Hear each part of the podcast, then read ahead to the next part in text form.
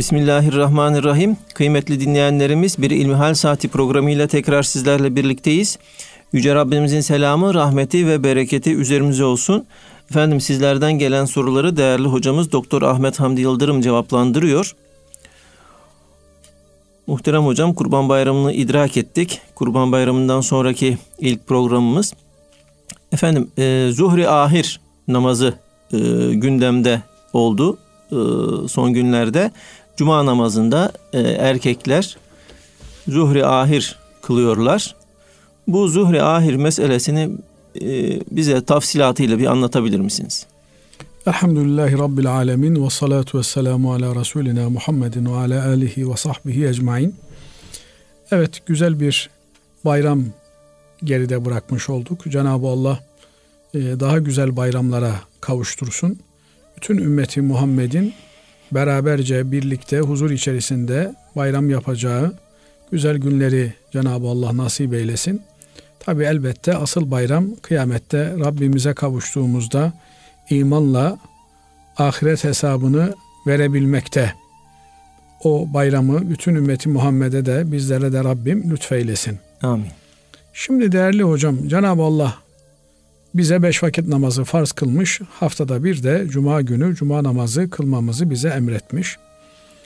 Cuma namazı adı üstünde e, toplu kılınan bir namazdır. Cuma günü kılındığı için de cuma namazı deniliyor ama cuma namazı cemaat namazıdır aynı zamanda. Cuma cemaat aynı kelime kökünden türemiş kelimelerdir. Dolayısıyla diğer namazları e, münferiden kılmak da mümkündür. Yani insan tek başına da cuma dışındaki namazları kılabilir.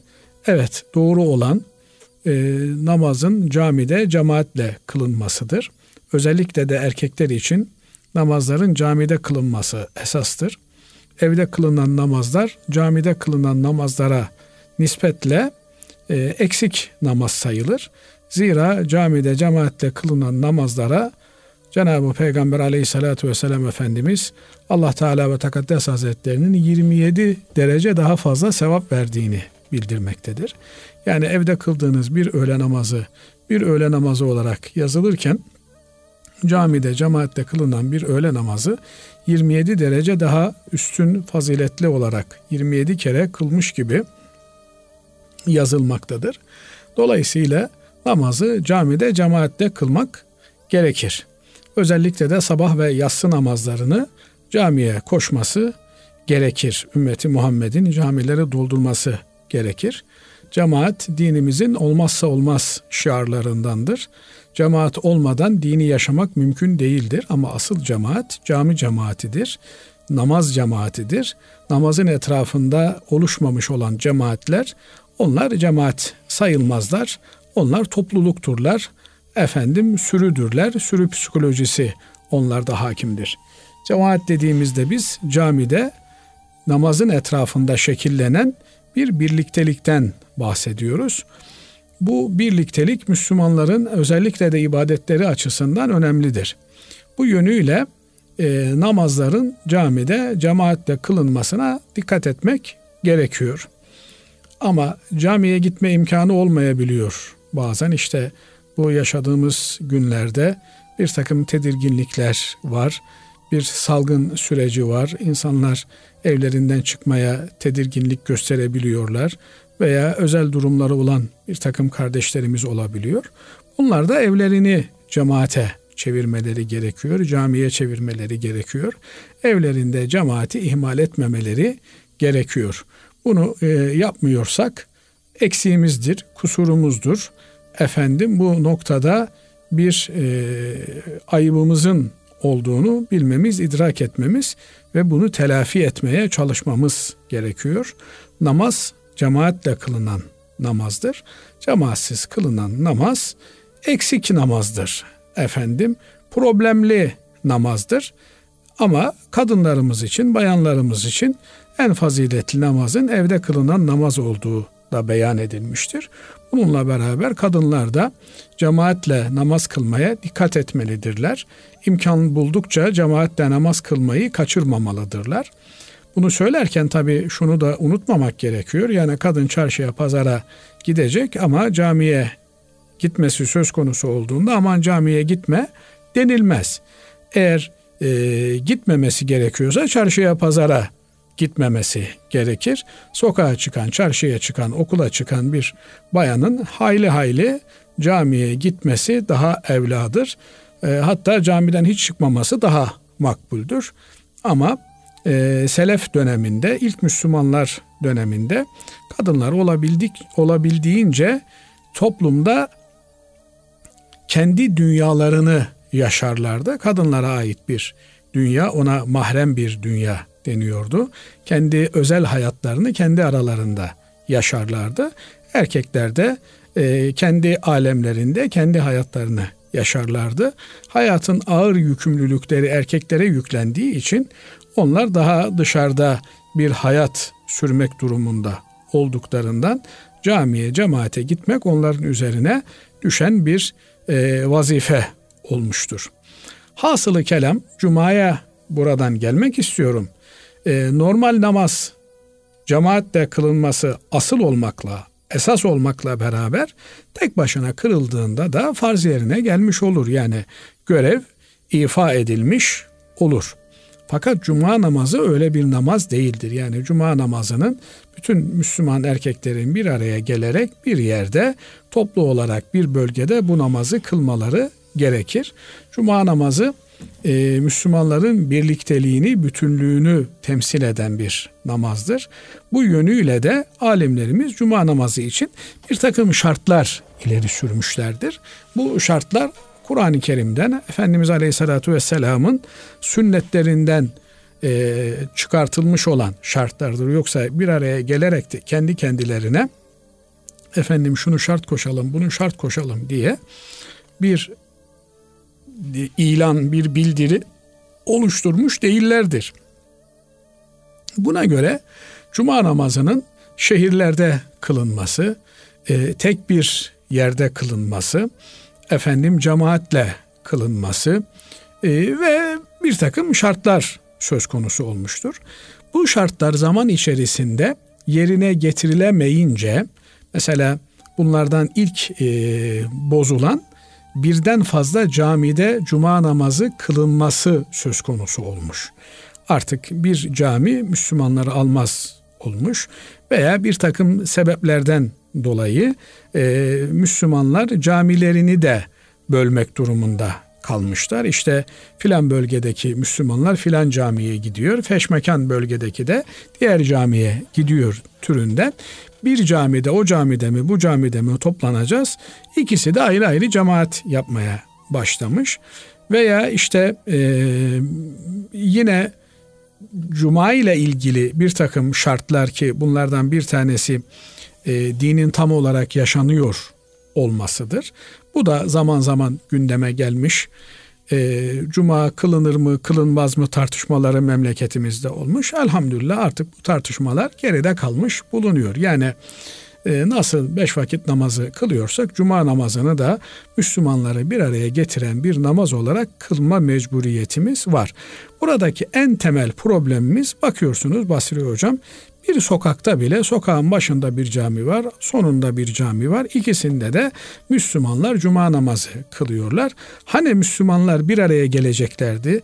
Cuma günü haftada bir gün bir araya gelip bir yerde toplu olarak namazlarını kılacaklardı. Bakıyorsunuz yani bir sokağın başında ve sonunda bile farklı camilerde farklı cemaatlerle cuma namazları kılınıyor. Burada denilmiş ki acaba bu cemaatlerden hangisinin namazı kabul olur? İlk namaza duranın mı, ilk selam verenin mi vesaire filan tartışmalar olmuş. Bu tartışmalarla beraber yani acaba cuma namazımız kabul oldu mu, olmadı mı?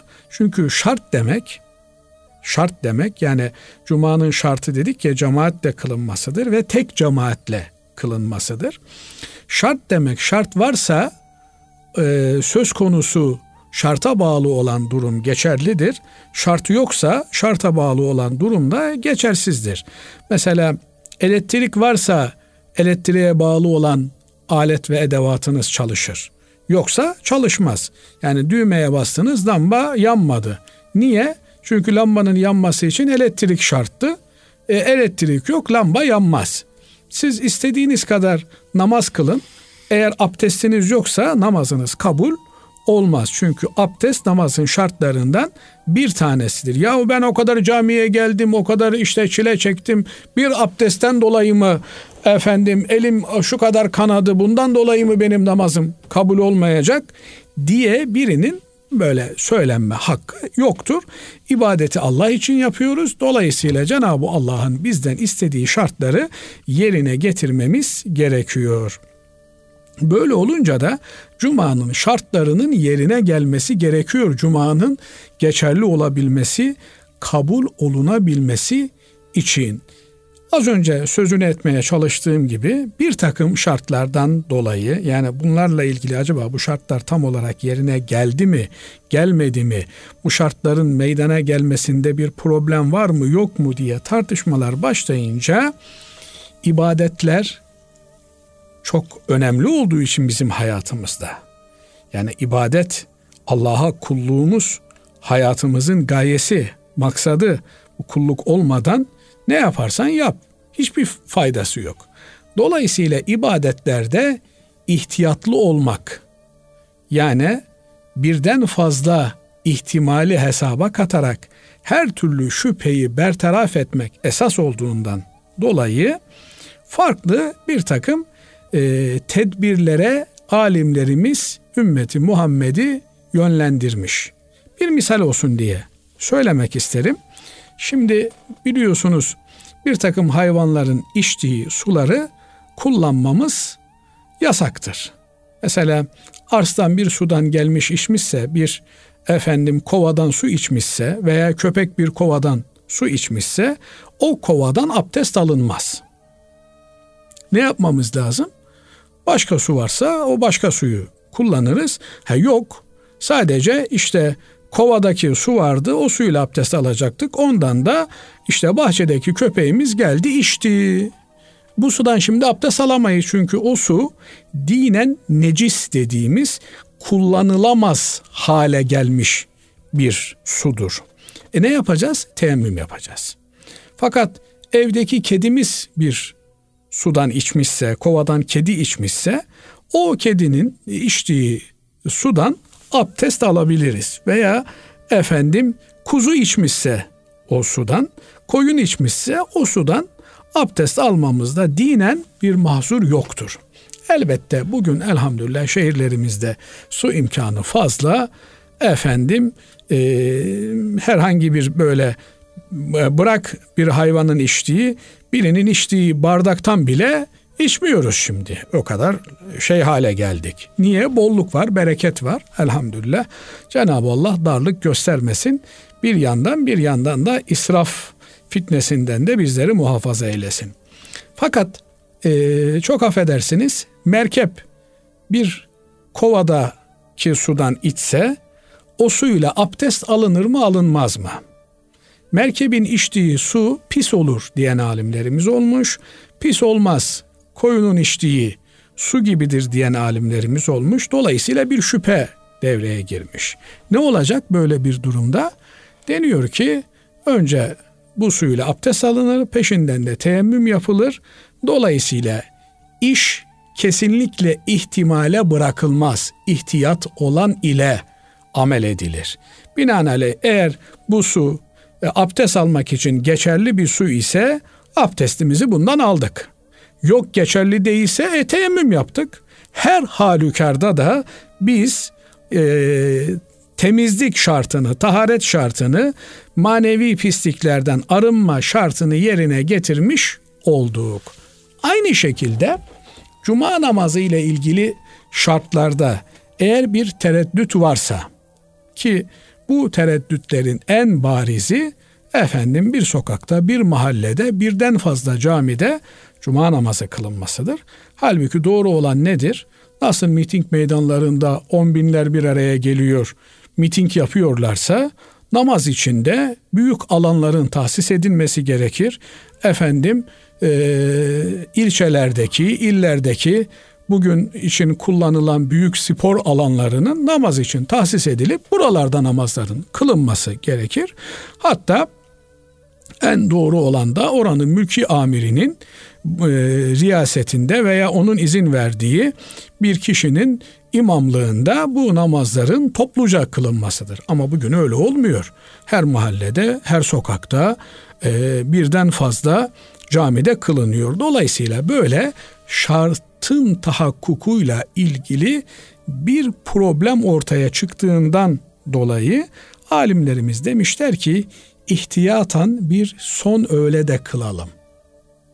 Şimdi buraya kadar bu zuhur ahir namazının e, niçin alimlerimiz tarafından öngörüldüğünü anlatmaya çalıştım. Fakat burada şöyle de bir hassasiyet göstermemiz gerekiyor. Namazlardaki ibadetlerdeki niyetimizin net olması gerekir. Ya Rabbi vakit öğle vakti ise öğle namazına say, ikindi vakti ise ikindi namazına say diye böyle bir niyet olmaz. Yine aynı şekilde ya Rabbi cuma namazım kabul olduysa öğle namazı yerine olmadıysa cuma namazı yerine ben bu namazı kılıyorum türünden bir niyet de olmaz. Veya cuma namazım geçersiz olmuşsa öğle namazı farz olarak bu namazımı say. E yok geçerli olduysa nafile olarak say diye de böyle de bir tereddütlü niyet olmaz. Niyet adı üstünde insanın kalbinden bir şeyi net olarak yapmaya karar vermesidir, azmetmesidir. Efendim kesin olarak iradesini bir eyleme doğru yönlendirmesidir. Bu yönüyle burada yapacağımız niyet çok önemlidir. Onun için dinleyenlerimizin dikkatini istirham ederim.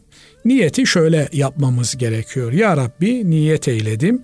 Vakti girdiği halde öğle namazının vakti girmiş. O gün cuma, cuma ezanı ile beraber, öğle okunan ezanla beraber artık hem cuma ki aynı zamanda o öğlenin vaktidir.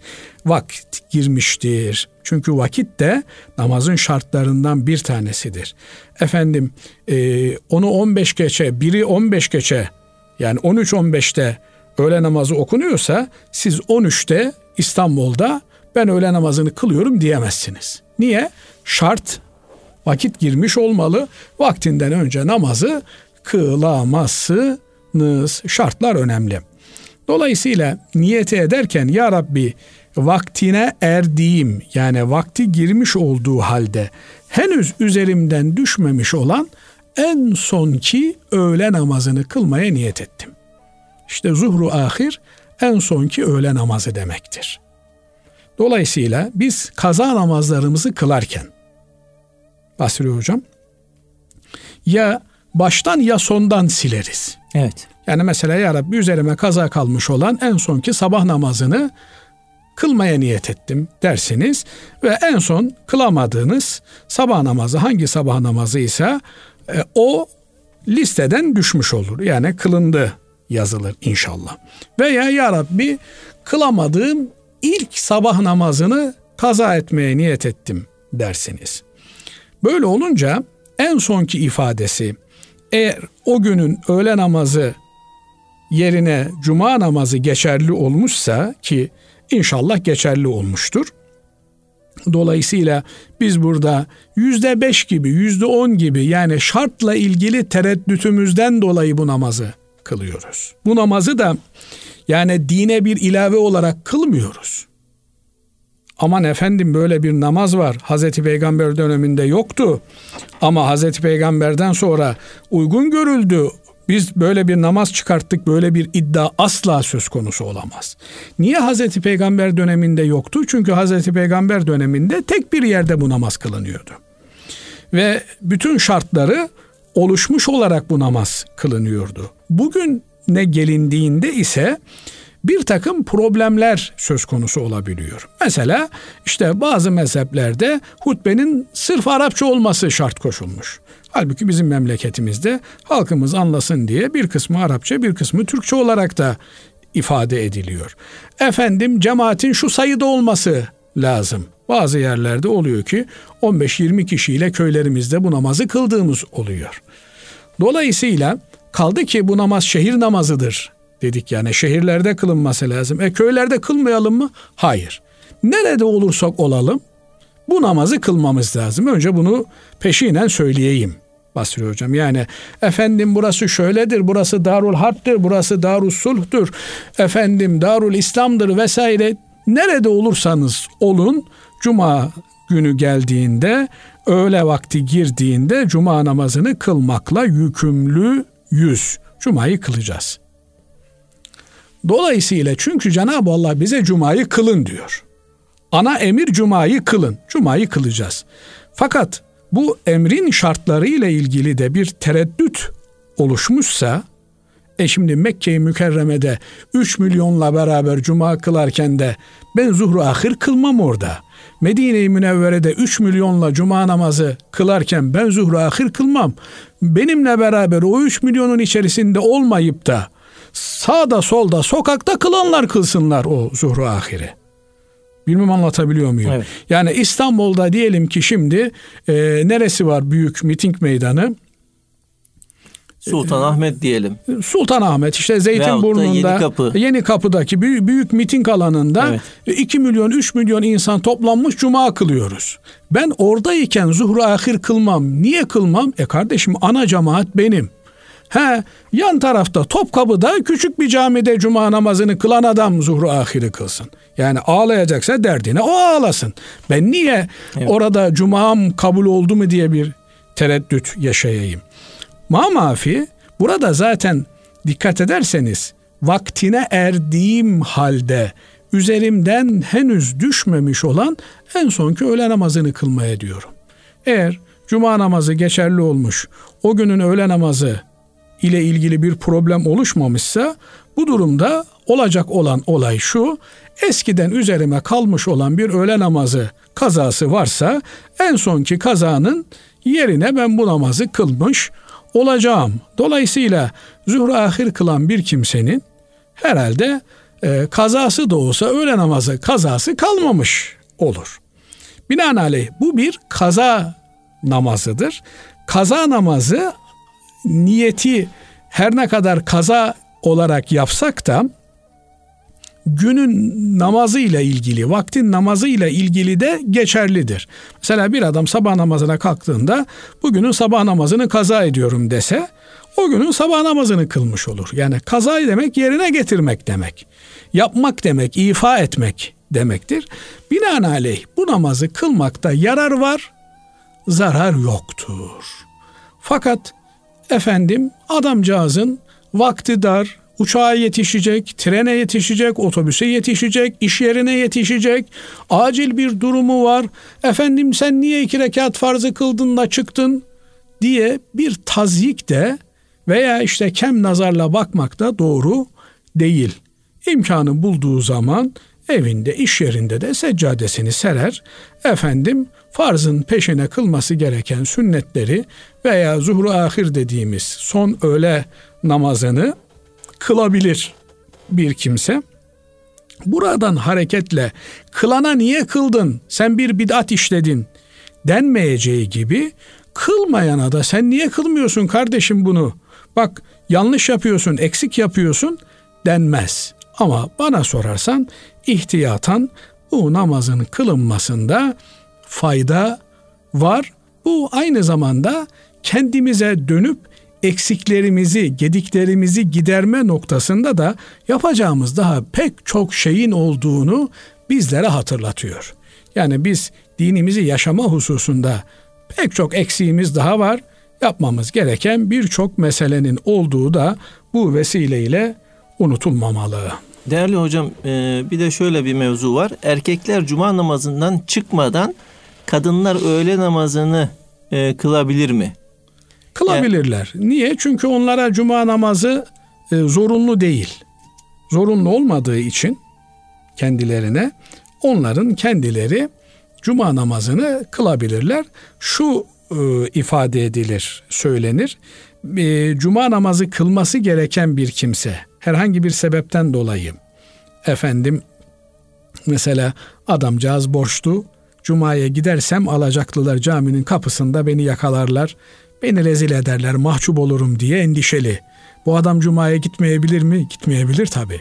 İnsan onuru her şeyin üstünde tutulmuş. Cenab-ı Allah insanı onurlu yaratmış. Hocam, Efendim sen cumaya gitmek zorundasın. Küfrederlerse de etsinler. Yok öyle. Evinde öğle namazını kılarsın. İşte bu gibi sebeplerden dolayı öğle namazını kılacak olan bir kimse önce cemaatin namazı bitirmesini bekler. Ama cuma mükellefi değilse namazını istediği zaman kılabilir. Evet. Peki teşekkür ederiz. Allah razı olsun Cümlemize kıymetli efendim. hocam. Şimdi kısa bir araya gidiyoruz. Aradan sonra kaldığımız yerden devam edeceğiz. Kıymetli dinleyenlerimiz İlmihal Saati programımıza kaldığımız yerden devam ediyoruz. Sizlerden gelen soruları değerli hocamız Doktor Ahmet Hamdi Yıldırım cevaplandırıyor. Muhterem hocam dinleyicimiz şöyle bize yazmış. Bir cami için birden fazla minare e, inşa etmek gerekli midir? Evet biliyorsunuz e, ezan Efendimiz Aleyhisselatü Vesselam'ın sahabe efendilerimizle istişaresi neticesinde sahabe efendilerimizden bir kısmının gördüğü rüyayla Efendimizin e, onaylamasıyla bugünkü haliyle okunur olmuştur. Ezan ilk okunduğunda Hazreti Bilal tarafından Medine'nin en yüksek evlerinden birinin damına çıkmak suretiyle tepeden okunuyordu. Herkesin kulağına ezanın sesinin ulaşması için böyle yapması daha uygundu. Onun için ezanı yüksek bir yerden okumak sünnettir. Çünkü Efendimiz Aleyhisselatü Vesselam e, Hazreti Bilal'e bunu e, emretmiştir. Yani yüksekçe bir yerden okumasını emretmiştir. Tarihi süreç içerisinde bakıldığında da e, uzak yerlere sesin daha iyi ulaşabilmesi için zamanla e, hatta Ashab-ı Kiram Efendilerimiz zamanından başladığı da kitaplarda kayıtlıdır. Camilerin, mescitlerin yanına minareler yapılmıştır. O minarelerin üstüne çıkmak suretiyle olabildiğince yükseğe çıkmak suretiyle oradan şehrin dört bir yanına, mahallenin dört bir yanına seslerini ulaştırmaya çalışmışlardır. Dolayısıyla asıl olan sesin e, namaz kılacak kişilerin kulağına ulaşmasıdır. Bunun için e, minare bir e, ihtiyaca mebni olarak cami mimarisinin içerisine girmiştir. E, ama bir gaye değildir. Minare bir araçtır. E, binaenaleyh bugüne kadar camilerimiz, mescitlerimiz minareli inşa edildiği için bir örf, bir adet, bir gelenek haline gelmiştir. Yoksa yeryüzünün tamamı e, Müslümanlar için bir ibadethane hükmündedir, mescit hükmündedir. E, biz sıcaktan, soğuktan korunmak için mescitler inşa ediyoruz. Orada bir araya gelip rahatça Rabbimize ibadet etmek maksadıyla. Burada minarenin bir tane olması, iki tane olması, dört tane olması, altı tane olması, sekiz tane olması bu e, dini bir konu olmaktan daha ziyade örfi bir meseledir. E, mimariyle alakalı bir meseledir. E, camiyi yaptıracak olan kişinin bütçesiyle e, alakalı bir meseledir. Değerli hocam şöyle hani e, israf e, açısından bakılırsa şayet yani bu açıdan bir dini mesele olarak göz, görünebilir mi? Tabi israf e, elbette e, haramdır. Nerede olursa olsun haramdır. Fakat israf da tabi tek başına değerlendirilecek bir mesele değildir Basri Hocam. Düşünün mesela binaların 80 katlı yapıldığı bir e, ortamda bir cami yapıyorsunuz. Yanına minareyi de israftır diye yapmaktan kaçınıyorsunuz. E kardeşim yani bu kadar Müslümansan bu 80 katlı bina, binaları niye yapıyorsun? Binaenaleyh yani bir muhitte insanlar oturacak ev bulamıyorlarsa, barınacak bir mesken bulamıyorlarsa e, oralara kalkıp da Sultanahmet Camii gibi cami inşa etmek israf olarak değerlendirilir. Fakat e, insanların kendilerine yaptıkları evin bir tık üstünde Allah için inşa ettikleri evin daha kaliteli olması gerekir, daha dayanıklı olması gerekir. Nihayetinde e, insanlar işte iki kişi için, üç kişi için bir ev inşa ediyorlar ama cami o mahallede yaşayan herkes için inşa ediliyor ve buradaki minareler de sesin daha uzağa ulaştırılabilmesi gayesiyle yapıla geliyordu. Bugün de artık onun bir devamı olarak yapıla geliyor. Binaenaleyh eğer adam e, bu minareyle İslam'ın azametini göstermek arzu ediyorsa bulunduğu muhitteki e, insanların e, hayat standartlarının da ötesine çok fazla taşmadan ortalama bir mimari eser ortaya koymaya çalışmalıdır. Yani işin özü elbette giyimimizde, kuşamımızda da israf haramdır. Yani adamın mesela işte dört tane, beş tane elbisesi var. E, altıncı, yedinci elbiseye ne gözde bakmak gerekir veya gardırobunda 72 takım elbisesi var. Bu 72 takım elbise ne gözle değerlendirilmelidir? Bu israf değil midir? Mamafi yani israf genel bir çerçevedir bizim için. E, yediğimiz, içtiğimizde de, giydiğimizde de, kullandığımız eşyalarımızda da, efendim binalarımızda da israf israftır. E, dolayısıyla israfı bir kenara koyarak yani e, minareyi de mesela işte taştan, e, tuğladan örmek mümkün. Bir de adam işte altından ben minare yapayım diyor. Altından minare yapmak e, israf mıdır? İsraftır. Dolayısıyla yani işin e, israf boyutu bir kenara fakat bir e, zorunluluk olarak caminin yanında minare olmak durumundadır. Minaresi olmayan yere cami denmez mi? Öyle bir e, meselemiz yok. Diğer bir mesele de cami e, ibadet için bir esas olarak karşımıza çıkıyor. Diğer taraftan şunu da unutmamak gerekiyor ki e, bu minare bir araç olarak bugüne kadar kullanıla gelmiştir. E, buradan hareketle işte mesela biri kalkıp çıkıyor diyor ki e, minarelerden salat tu selam getirilmesi, Hazreti Peygamber Efendimiz'e salat okunması bidattir. Yani bunun hangi kısmı bidattir? Minare kısmı bidattir derse minare dini bir e, hüküm içermiyor. Yani minare yapmak farzdır, vaciptir, sünnettir, müstahaptır, haramdır, mekruhtur. Az önce ifade etmeye çalıştığımız gibi yani dini bir e, hükme binaen değil, örfi bir meseledir. Bir araç olarak değerlendirilmiştir. Eğer minare e, bidat değilse ki bidat olabilmesi için dine ilave edilmiş olması lazım. Yani bir şeyin bidat olarak değerlendirilebilmesi için dine ilave olması lazım gelir. Dine ilave ne demek? Dini bir hüküm taşıması. Bu günahtır, bu sevaptır. Bu haramdır, bu helaldir türünden e, işte yani helal mübahın içerisinde e, mütalaa edilmesi de mümkün değil. İşte bu e, müstehaptır, bu menduptur, bu sünnettir, bu vaciptir, bu farzdır, bu haramdır diye. Yani eğer dini bir hüküm atfediyorsanız bir şeye onu bidat olarak eğer Hazreti Peygamber Efendimizin sünnetinde yoksa onu bidat olarak değerlendirebilirsiniz. Yoksa ne bileyim işte kısa kollu gömlek yoktu Hazreti Peygamber Efendimizin döneminde. E bugün insanlar kısa kollu gömlek giyiyorlar bu bidattir denmez böyle bir şeye. Niye? Yani kısa kollu gömlek giymek e, müstahaptır dersen, farzdır dersen, vaciptir dersen o zaman dinin bir parçası haline getirilmiş olur. E diğer taraftan salatu selama gelince Cenab-ı Allah peygamberine salat ediyor. Ve bu bir zamanla kayıtlı değil, mekanla da kayıtlı değil.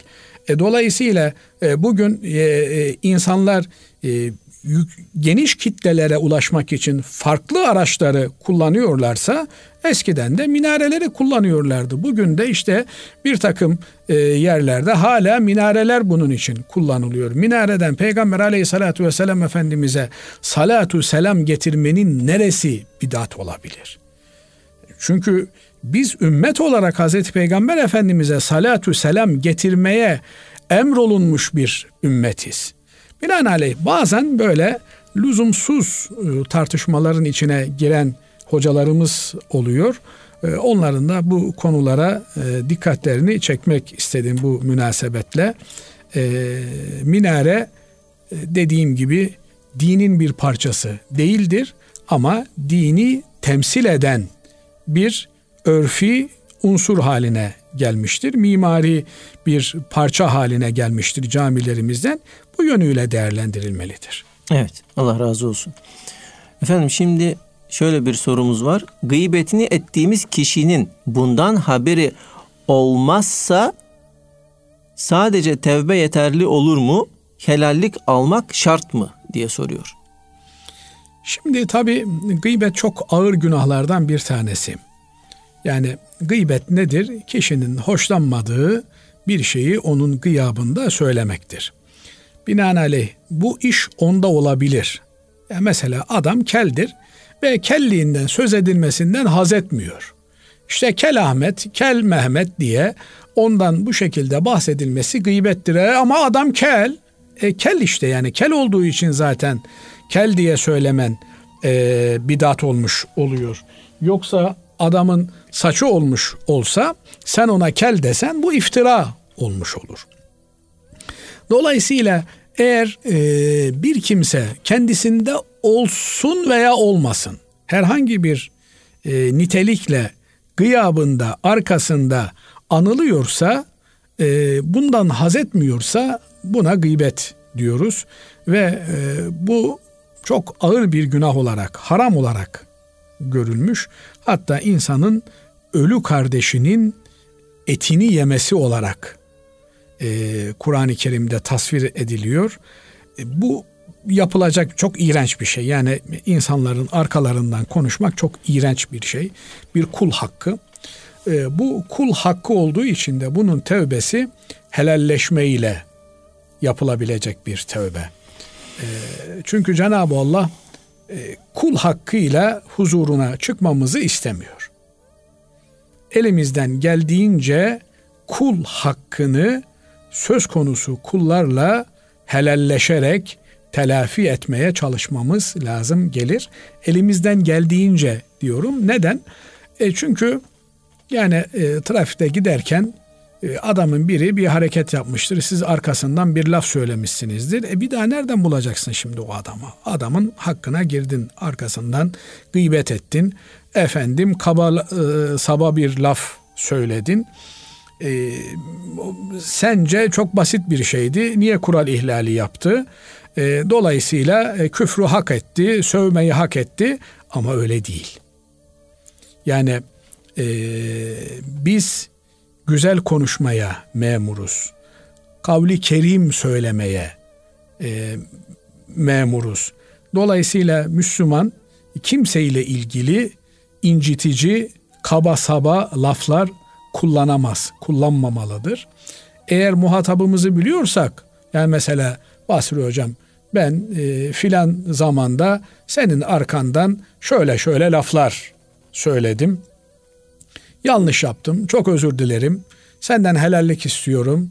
Neyse e, helalleşmenin bedeli onu da ödemeye razıyım. Yani e, işte ben sana sövdüm hakkını helal et. Öyle de böyle basit geçiştirilecek bir şey değil. Yani öyle bir mecliste e, kardeşlerinden bir tanesi e, biriyle ilgili söylenmemesi gereken bir lafı söyledi. Peşinden de ya çağıralım da şu arkadaşı e, garsonu 20 lira verelim de helalleşelim. Yani öyle 20 lira verip helalleşilecek, 100 lira verip helalleşilecek bir mesele değil. Adamın hakikaten gönülden olsun kardeşim, helal olsun diyerek bir e, ali cenaplık göstermesi lazım. Peki e, size böyle bir taleple gelmiş olana sizin ali cenaplık göstermeniz lazım mı? Lazım. Yani adam yanlış yapmış. Hepimiz yanlış yaparız. Hangimiz yanlış yapmıyoruz? Yani bir insan diyebilir mi kardeşim ben bugün hiç günah işlemedim. Ben bugün afiyetteyim. Yani bugün afiyet ne demek? Hiç günahsız bir gün geçirdim. Ee, şeriat dairesinin dışına çıkmadım. Yanlış bir laf söylemedim. Yanlış bir bakış yapmadım. Ne bileyim yani bugün akpak bir vaziyetteyim. Kim böyle bir iddiada bulunabilir? Dolayısıyla her an bir yanlışımız olabilir. Her an bir kusurumuz olabilir. Bazen yanlış e, fiili olarak yanlış olur. Bazen yanlış doğruyu yapmamak olarak tecelli eder. Yani boş boş durmuşsun. Yapman gereken işler var, yapmamışsın.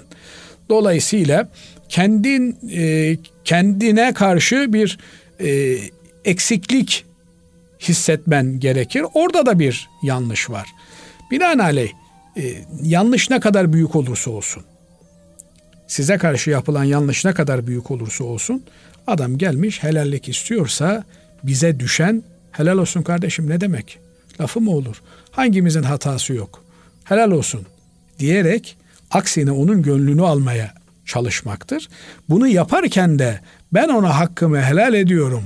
Allah da benim bilip bilmediğim kusurlarımı affetsin diye içtanın içinden geçirmesidir. Yoksa öyle ulu orta yerde arkadaşlar ben gidiyorum yolculuğa çıkıyorum hepiniz hakkınızı helal edin. Helal olsun ha tamam bak işte helalleştik. Öyle e, kuru kuruya bir helalleşme olmaz. Eğer maddi bir şeyi varsa efendim adamın silgisini almışsın, adamın kalemini almışsın.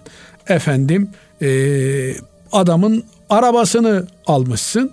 Kardeşim ben şu gün şu saatte veya saatini gününü söylemesen de olur. Ben senin silgini almıştım. Çok e, özür dilerim böyle bir yanlış yaptım. Nasıl yaptım ben de bilmiyorum ama e, işte şu silgi veya işte al şu 10 lira 20 lira neyse parası hakkını helal et. Alır almaz parayı o onun bileceği bir iş. Helalleşme yoluna gitmek lazım. Ama bazen tabii e, insan şimdi ağır bir laf söylemişsin adamla ilgili. Ya ben sana işte e, şöyle şöyle hakaret etmiştim diye de tutup da bir daha adamın yüzüne böyle bir densizlik yapmanın da bir alemi yok. E kardeşim hakkını helal senin arkandan konuştum. Ee, çok ayıp bir şey yaptım, çok iğrenç bir şey yaptım.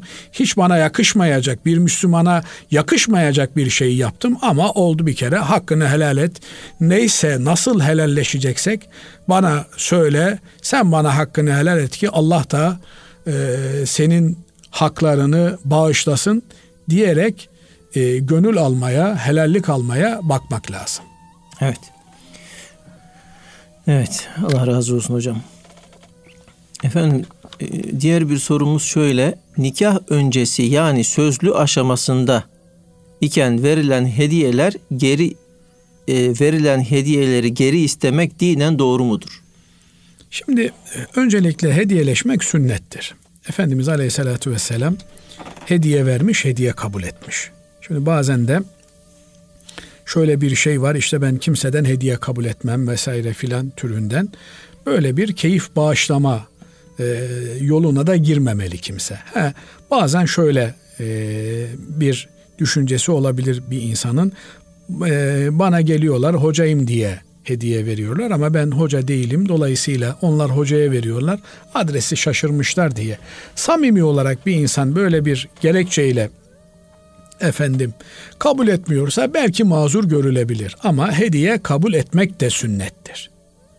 Dolayısıyla Efendimiz Aleyhisselatü Vesselam kabul etmişse Efendimiz kabul etti diye kabul etmek lazım. Aynı ile mukabele etmeye, fazlasıyla mukabele etmeye çalışmak lazım. Bazen efendim e, biri geldi size bir ihsanda bulundu, bir hediyede bulundu ama sizin ona mukabele edebilecek, karşılık olarak verebilecek bir hazırda bir şeyiniz yok. Size düşen de Allah razı olsun demektir. Dua etmektir. Dua verilecek olan işte e, basit bir hediyenin çok çok daha üstündedir. Sonra fırsatını bulduğunuzda siz de ona mukabele etmeye çalışırsınız. Elbette varlıklı olanların hediyesi varlıklarına göredir. Garibanın, fakir fukaranın hediyesi de yarım elma gönül alma türündendir. Ama hediye almakta, hediye vermekte sünnettir. Asıl olan kişinin verdiği hediyenin peşini aramamasıdır. Şimdi bazen bakıyoruz insanlar düğünlerde, derneklerde, cemiyetlerde birbirlerine hediye veriyorlar ama onun notunu tutuyorlar. İşte ben verdim o da bana karşılığını verecek diye. Bu hediyeleşmeyi bir ticarete dönüştürmemek lazım. Öyle bir hal alırsa, öyle bir uygulama, öyle bir genel kabul oluşmuşsa e, bu doğru bir şey değil. Şimdi evlilik süreci iki insanın çok kutsal bir yola e, e, adım atmalarıdır. Evlenmek e, en önemli içtimai ibadetlerimizden biridir. Bir ibadettir evlenmek aynı zamanda. Çünkü iki yabancı insan insanlığın devamı için bir birliktelik kararı alıyorlar ve birbirlerine Allah'ın adını anarak sahip oluyorlar. Yani kadın erkeğe, erkek kadına Allah adına söz vererek sahip oluyor. Yani bu burada bir sahip olma söz konusu. Kimse kimseye bir karı kocanın birbirine sahip olduğu gibi sahip olamaz. Yani bu çok özel bir e, sözleşmedir ve çok özel bir ibadettir. Dolayısıyla bu yola girmiş olan insanların elbette birbirlerinin gönüllerini almak için, muhabbetlerini ilerletmek için birbirlerine hediye vermeleri normaldir. Tabi asıl olan erkeğin kadına hediye vermesidir. Ve e, burada verilen hediyenin geri alınmaması esastır. Ama bazen tabi e, çok ulvi gayelerle girilmiş olan bu yolda büyük hayal kırıklıkları meydana gelebiliyor. Büyük efendim e, çatlaklar oluşabiliyor. Bu gibi noktalarda da insanlar rencide etmeden karşı tarafı tüketilmemiş olan yani tüketilmeyecek olan hediyeleri geri alabilirler. Yani bir kıymeti olan ne bileyim e, altın vermiştir, bilezik vermiştir, kolye vermiştir. Onları geri talep edebilir. Ama işte çikolata götürmüştür, e, e, poğaça götürmüştür, efendim karpuz götürmüştür. Ben e, getirdiğim meyveleri geri istiyorum türünden veya işte giyilmek üzere götürdüğü alelade bir çoraptır vesairedir. Bu tür basit şeyleri konu edinmemek lazım. Ama bir kıymeti harbiyesi olan ve tüketilmeyen tüketilmeyenden kastım yenilip içilmeyen, işte giyilip e, eskitilmeyen şeyleri geri isteyebilir. İşte e, giyilmemiş olan elbiseler almışsa onları geri isteyebilir. E, elbise giyildiği halde de geri isteyebilir. Ama eğer e, başkasına verilmişse, bozdurulmuş, harcanmışsa, mesela düşünün siz bir kıza talip oldunuz. Efendim maddi imkanları yok çeyiz yapsın diye e, 3-5 lira bir e, hediyede bulundunuz. O da onu kullandı. İşte e, söz gecesi için alışveriş yaptı, ne bileyim pasta aldı, çörek aldı, bilmem ne aldı. Onu geriye istemek de doğru bir şey değildir. E, hukuken de dinen de doğru değildir. E, fakat burada e, Cenab-ı Allah e, şu ayeti kerime ile bütün hepimize ikazda bulunuyor. وَلَا تَنْسَوُ الْفَضْلَ بَيْنَكُمْ Aranızda fazileti, erdemi unutmayın. Yani böyle işi e, pespayeliğe dökmeyin, ayağa dökmeyin, çirkefleşmeyin. Erdemli bir şekilde, sağduyulu bir şekilde birbirinizin hakkına, hukukuna riayet ederek evlenecekseniz evlenin. Yok evlenemediniz, olmadı erkenden birbirinizden tabiri caizse kurtuluyorsunuz. Onu da usulüne, adabına uygun olarak yapma erdemini gösterin. Cenab-ı Allah birlikteliğimizi de ayrılmalarımızı da rızasına uygun bir şekilde yapabilmeyi nasip eylesin. Allah razı olsun hocam. Teşekkür ederiz. Kıymetli dinleyenlerimiz bugünkü İlmihal Saati programımızın sonuna ermiş bulunuyoruz. Efendim hepinizi Allah'a emanet ediyoruz. Hoşçakalın.